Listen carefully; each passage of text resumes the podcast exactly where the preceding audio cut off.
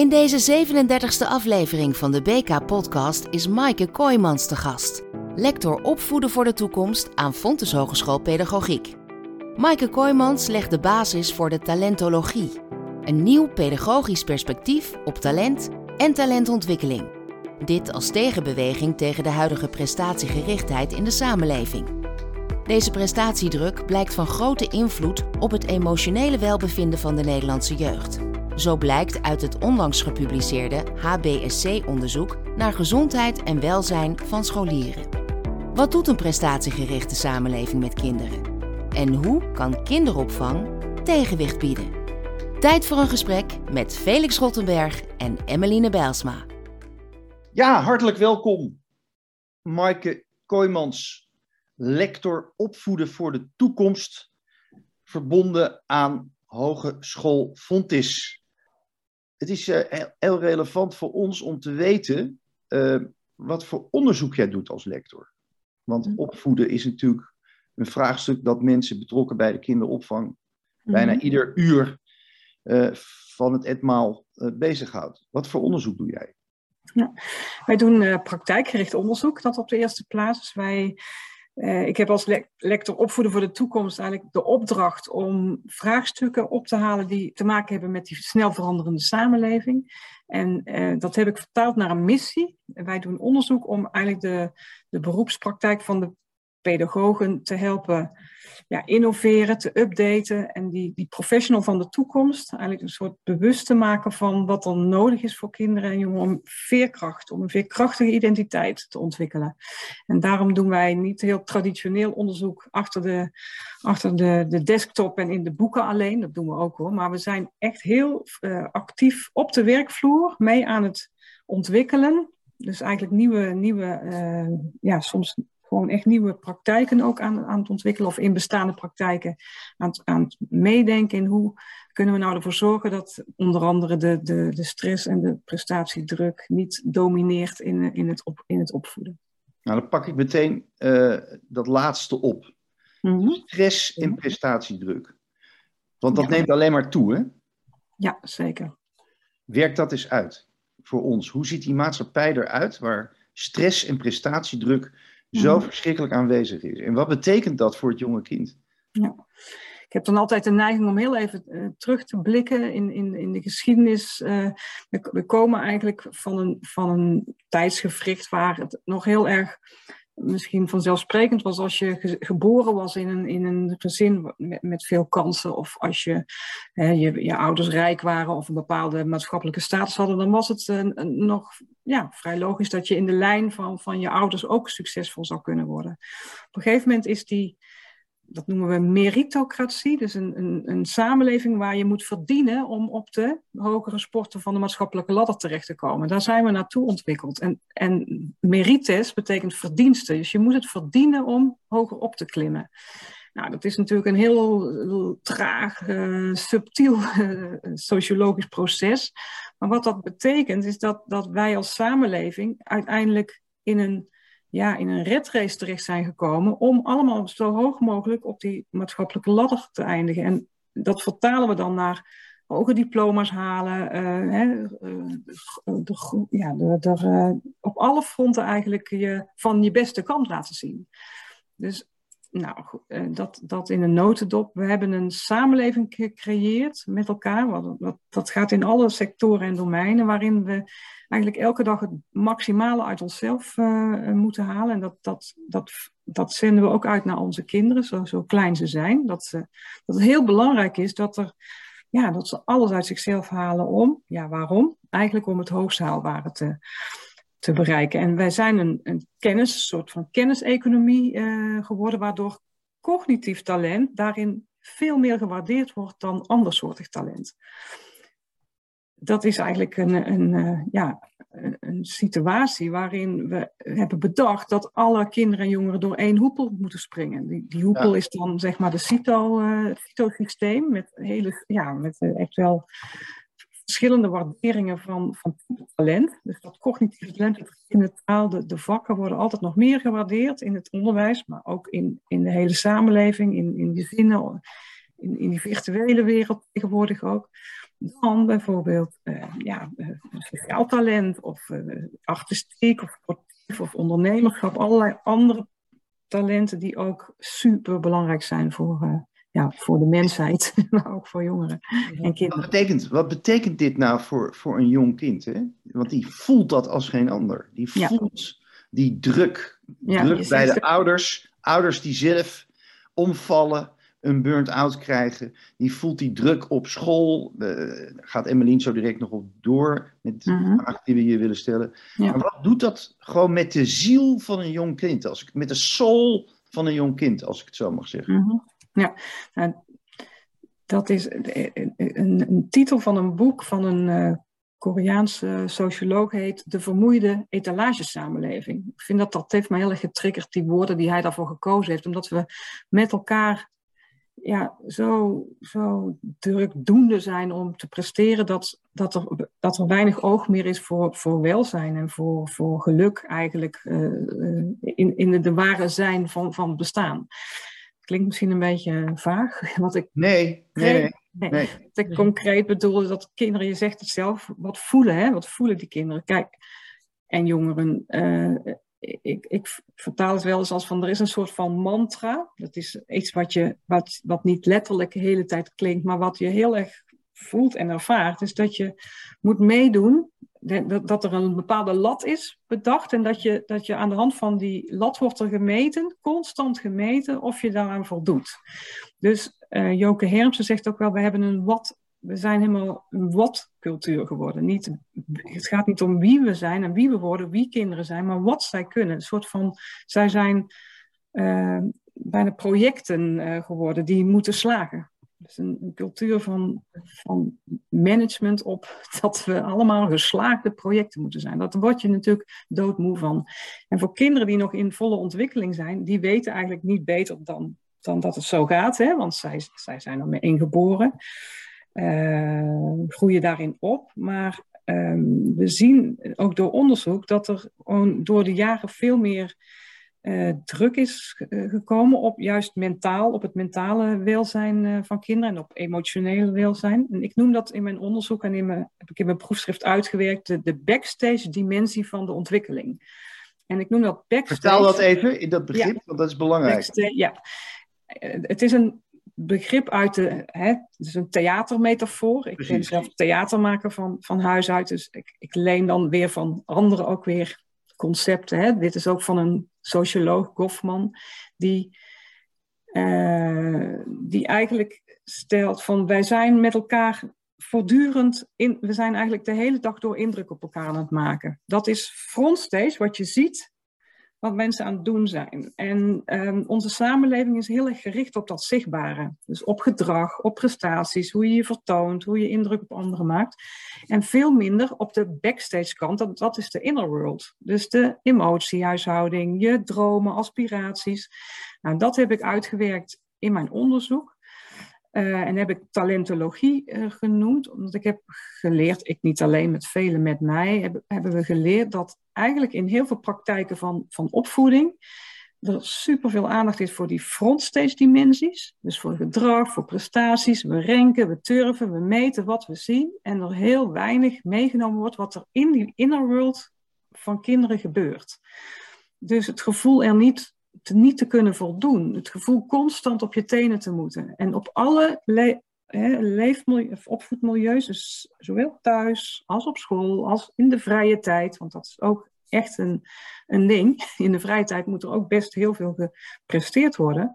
Ik denk alleen al aan sport. Ja, en vergeet niet wat er in die virtuele wereld, dat is natuurlijk een vrij ja. opvoedmilieu, moet ook behoorlijk gepresteerd worden. Dus ook het, het jezelf, ja, zorgen dat je veel likes krijgt, dat je jezelf constant van de mooie kant laat zien. Dat, dat maakt dat er in de world, dus backstage, heel veel uh, schuurt en schaaft, omdat kinderen. Uh, uh, ja, er is een soort discrepantie, zeggen we dan, tussen de backstage world, de inner world en hoe kinderen zich moeten etaleren, presteren. En die discrepantie lijkt, lijkt te leiden tot ja, stress, eenzaamheidsgevoelens, uh, ja, gevoelens van, van de, depressie. Uh, maar het kan ook omslaan in, heel ex, ja, dat is dan meer dat als het te extern eruit komt. Bijvoorbeeld agressie kan ook een, uh, een effect zijn hè, van frustratie of boosheid of ja, allerlei, allerlei perverse stoornissen die dan kunnen ontstaan. Ik, ja, door onderzoek, ik heb mijn onderzoek in eerste instantie gedaan met jongeren die beginnend delinquent gedrag vertonen. Daar lijkt dat heel erg een verklaring ook voor waarom jongeren zich zo bepaalde manier manifesteren op straat, als, als, als macho's soms, als, als, als kleine haantjes. Ook om te compenseren dat ze eigenlijk diep van binnen zo zoekende zijn naar wie ze zijn. En er ook zo graag bij willen horen, maar niet het gevoel hebben dat ze mee kunnen en erbij horen. Emmeline. Ik, vind, ben, ik luister ademloos naar je. Ik vind het echt ontzettend interessant. Ik, ik wil nog even terug naar, die, naar dat begin van, van die samenleving. Want wat hij doet, zitten we dan, we, zijn heel erg bezig met gelijke kansen. Hè? Dat is eigenlijk het ideaal op dit moment uh, waar het hele brede politieke eh, spectrum mee bezig is. Mhm. Ehm, en dat is bedoeld om, om kinderen te helpen om hun talenten te ontplooien, zeggen we dan. Ja. Ehm, en helpt dat of, of legt dat juist die prestatiedruk uh, er weer op? Ja, het, het, uh, ja, de intentie is, is uh, heel, heel, positief op zich. Hè? Denken vanuit gelijke kansen, dat iedereen de kans krijgt om, om mee te doen. En dat we uh, voor alle kinderen de, ja, een wereld creëren waarin ze gelukkig en veilig kunnen opgroeien. Ik vind ook, het klinkt ook heel ja, heel plausibel en heel goed om uh, talentontwikkeling mogelijk te maken voor alle kinderen. Maar als je dan vervolgens kijkt wat er in die praktijk gebeurt, de vertaling daarvan is vaak dat er allerlei programma's ontwikkeld worden om. En die worden vanuit een soort achterstandsdenken ingericht. En dan achterstand ten opzichte van ja, of de winnaars in onze samenleving, dus de kinderen en jongen die wel uh, ja, mee kunnen in het reguliere onderwijs en hoog scoren.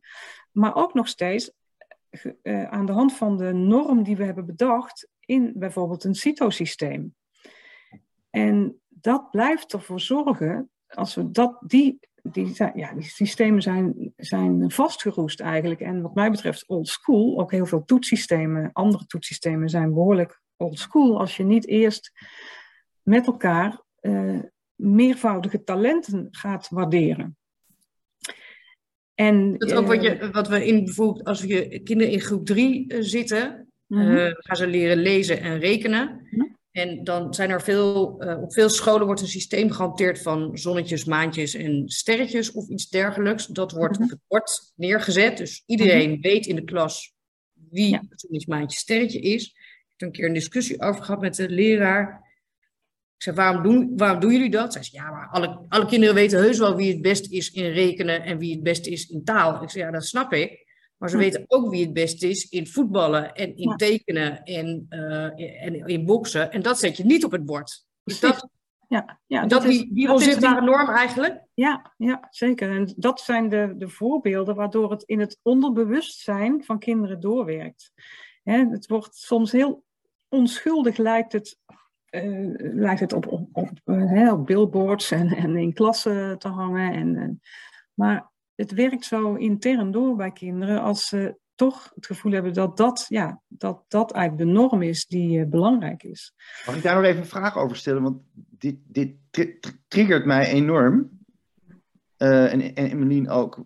Dat onderbewustzijn wordt geraakt. Mm -hmm. Dat is iets heel essentieels in ja. het functioneren als mens. Ja. Worden nou mensen die de opleiding volgen als mhm. pedagogisch medewerker, mhm. of als onderwijzer, of als docent, leren die daar wat over? Over dat, over dat hele neurologische aspect en, en onderbewustzijnsaspect. Ja. Nou, het, het, het is, kijk, je, je noemt onderbewustzijn, zo, zo noemde ik het zelf net ook. Het is ook een, een, heel gelaagd proces. Hè? Je hebt het, het onder bewustzijn, maar je hebt ook de emo, emotiehuishouding. En dat interacteert enorm met elkaar. Maar je hebt ook aspiratiehuishouding. Dus er gebeurt van alles in dat brein, maar er gebeurt, gebeurt ook heel veel hormonaal. En er gebeurt ook heel veel neurologisch, en, maar ook uh, ja, op, op emotioneel ja, orgaan. Dus dat, dat, ja, er zijn natuurlijk zoveel visies over over de, het, het, het mens zijn, mens in wording en hoe al die aspecten met elkaar interacteren. Een pedagoog in opleiding leert niet veel over hoe dat in het brein werkt. Dat, dat zit niet in, in de opleiding. Vind je dat jammer? Ehm, ja, ik denk dat, dat uh, breinwetenschappen, hè, dat dat wel een, een hele specifieke wetenschap is en niet alle pedagogen precies uh, daar de, de, de kneepjes van het vak in. in die, ja, we worden geen, geen, geen medische opleiding in die zin, of heel erg op, uh, op uh, hoe noem je dat, nature, meer op nature gericht. Wij, als, ja. Opvoeders, ja, ja, als opvoeders vind ik wel, en daarom zijn wij als lectoraat daar ook heel heel erg ja, een beetje pionier in, maar ook pleitbezorger in, om pedagogen er wel heel erg van bewust te maken dat het ook gaat om die inner world. Dus om, om, juist heel erg gaat om welzijn en geluk.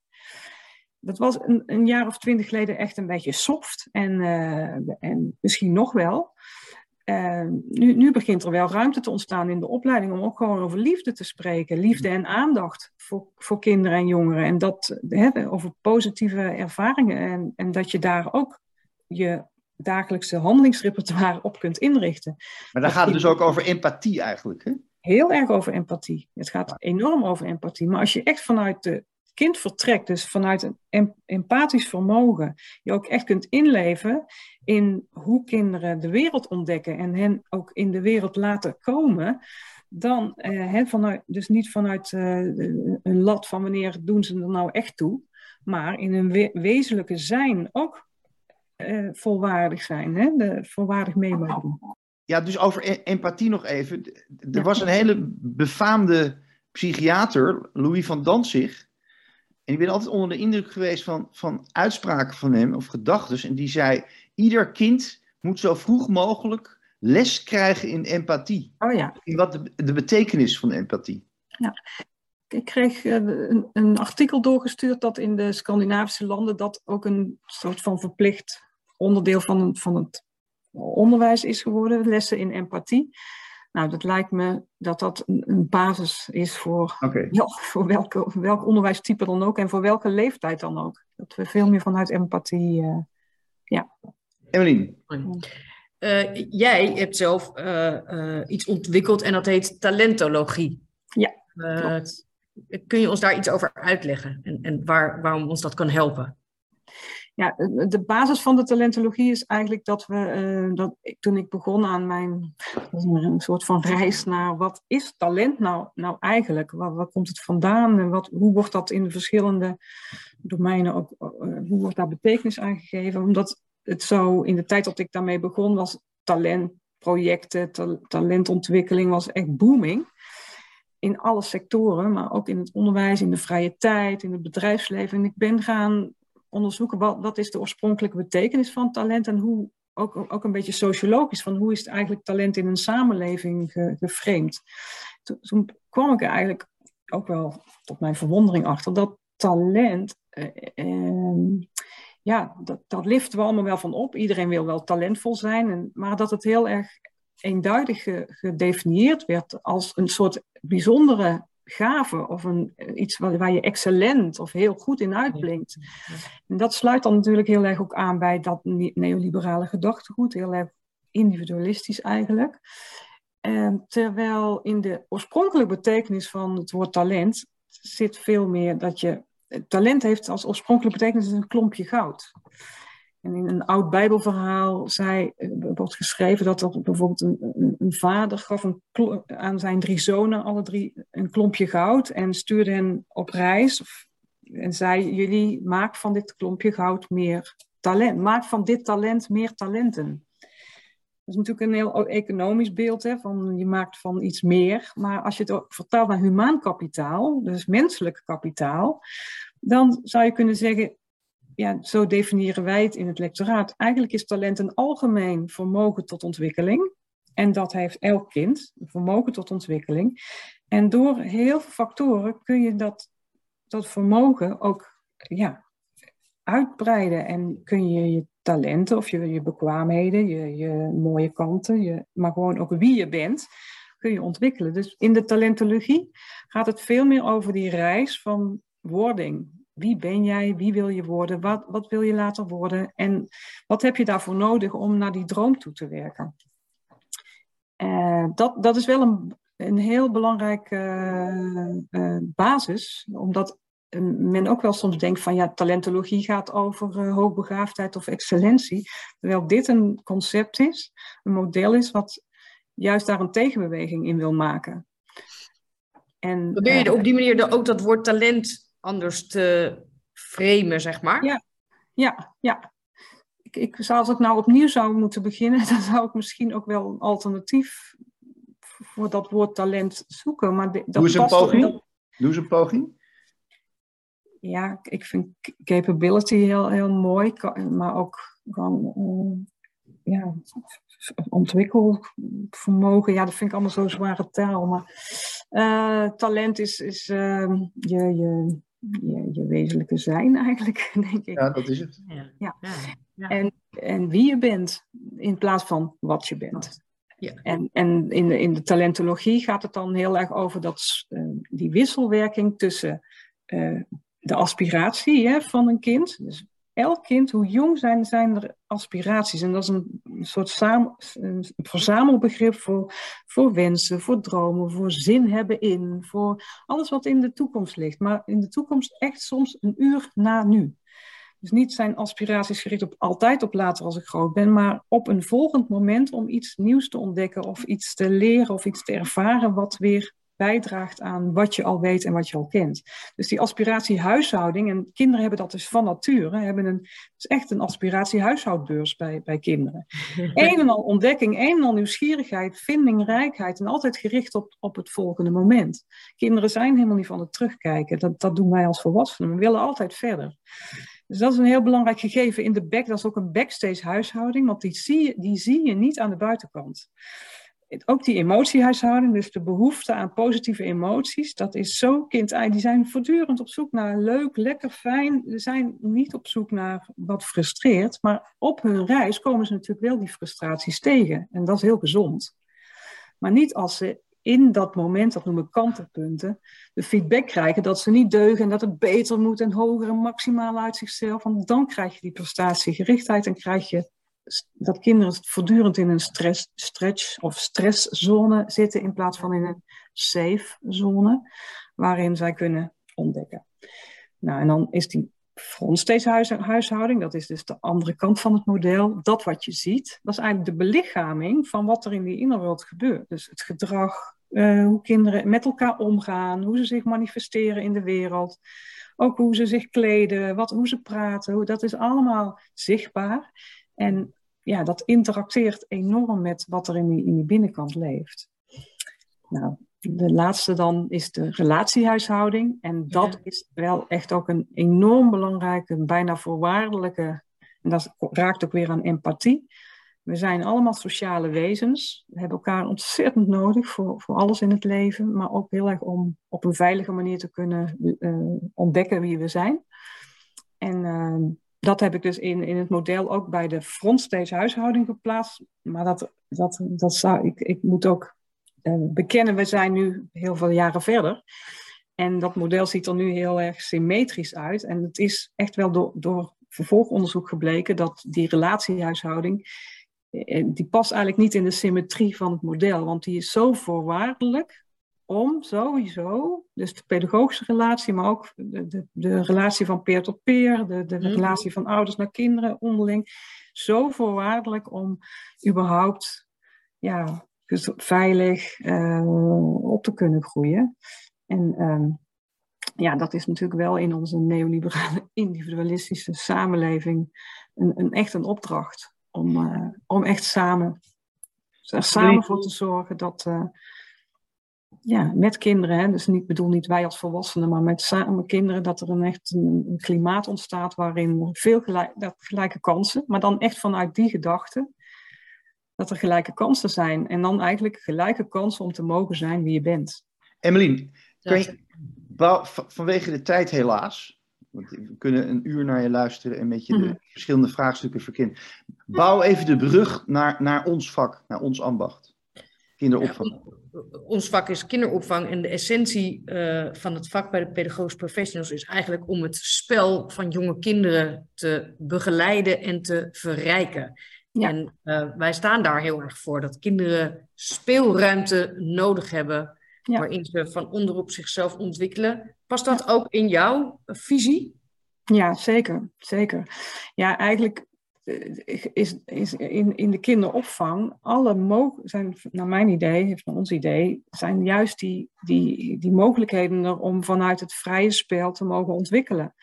En als daar een, rijk en divers, inclusief klimaat is vanuit empathie ingericht, hè, vanuit het inleven in die kinderen en, en veelzijdigheid, dan is dat een hele ja, prachtige uh, basis om op, zeg maar, vanuit talentologische uh, inzichten te ontwikkelen. Alleen wat je ziet is dat door, door alle regelgeving gaat ook in, in die kinderopvang iets, iets gebeuren met dat er daar ook ineens gemeten moet worden en dat kinderen daar ook een soort voorselectie of voorsortering of voorbereiding krijgen om het uiteindelijk op school uh, zo goed mogelijk te doen. En dat, ja, daar creëer je alleen maar ongelijkheid mee, maar ook competitie. competitie en dat, dat vind ik een hele kwalijke ontwikkeling. Dus ik, ik pleit voor pedagogische vrijplaatsen. Dat gaan we misschien nog wel eens een andere keer over praten. Maar ik denk dat uh, de kinder, kinderopvang en ook peuterspeelzalen, dat die eigenlijk van origine vrijplaatsen zijn. Ik vind dat een hele goede term. Ja. Vrijplaats is eigenlijk een plek waar niet een curriculum of een beleidstool het uitgangspunt is, maar puur het kind centraal staat vanuit die uh, ja, natuurlijke uh, ontwikkeling en behoefte aan spelend de wereld te ontdekken. Maar je hebt Kom even daar een heel gewoon mooi niet aan. Kom daar gewoon niet aan. Laat het een vrijplaats zijn. Maar je hebt een heel mooi woord. Sorry, Ja. sorry. Je hebt een heel mooi woord, reik je ons aan. Want er wordt altijd gezegd, kinderopvang, daar kunnen we helemaal niks mee. Dat is een gebiedend autoritaire term. Ja, Maar je zegt eigenlijk- vrijplaats is, is eigenlijk... Ik heb laatst op de landelijke IKC-dag daar een eh, masterclass over mogen, mogen verzorgen aan deelnemers die dus heel veel in de kinderopvang ook werken. Nou, die hingen echt aan mijn lippen. Die, dat was heel bijzonder om mee te maken. Omdat zij in deze taal, in de taal van de talentologie en de taal van vrijplaatsen, pedagogische vrijplaatsen, eh, iets herkenden wat, wat, ja, wat te maken heeft met hun dagelijks werk en hun missie. Ja. Dus, ehm, nou, misschien dat we daar nog eens eh, Ja. ooit eh, verder over kunnen eh, praten met elkaar. Dit Nou, is en- volgens mij de mooiste einde. Ik kopte hem al even in, hè? Ja, ja ik, dit is hem gewoon. Nou, dat betekent dat je, je gloedvolle betoog hier erg is overgekomen. Eh, we gaan je tegenkomen. Eh Ja, absoluut, graag. Maaike. Maaike. Houd contact en eh, dankjewel voor de uitnodiging. Dat Ja. doen we zeker. En de pedagogische vrijplaats. Het is een schitterend woord en daar gaan we voor staan. Dankjewel. Leuk, dankjewel. Hoi hoi. Dag.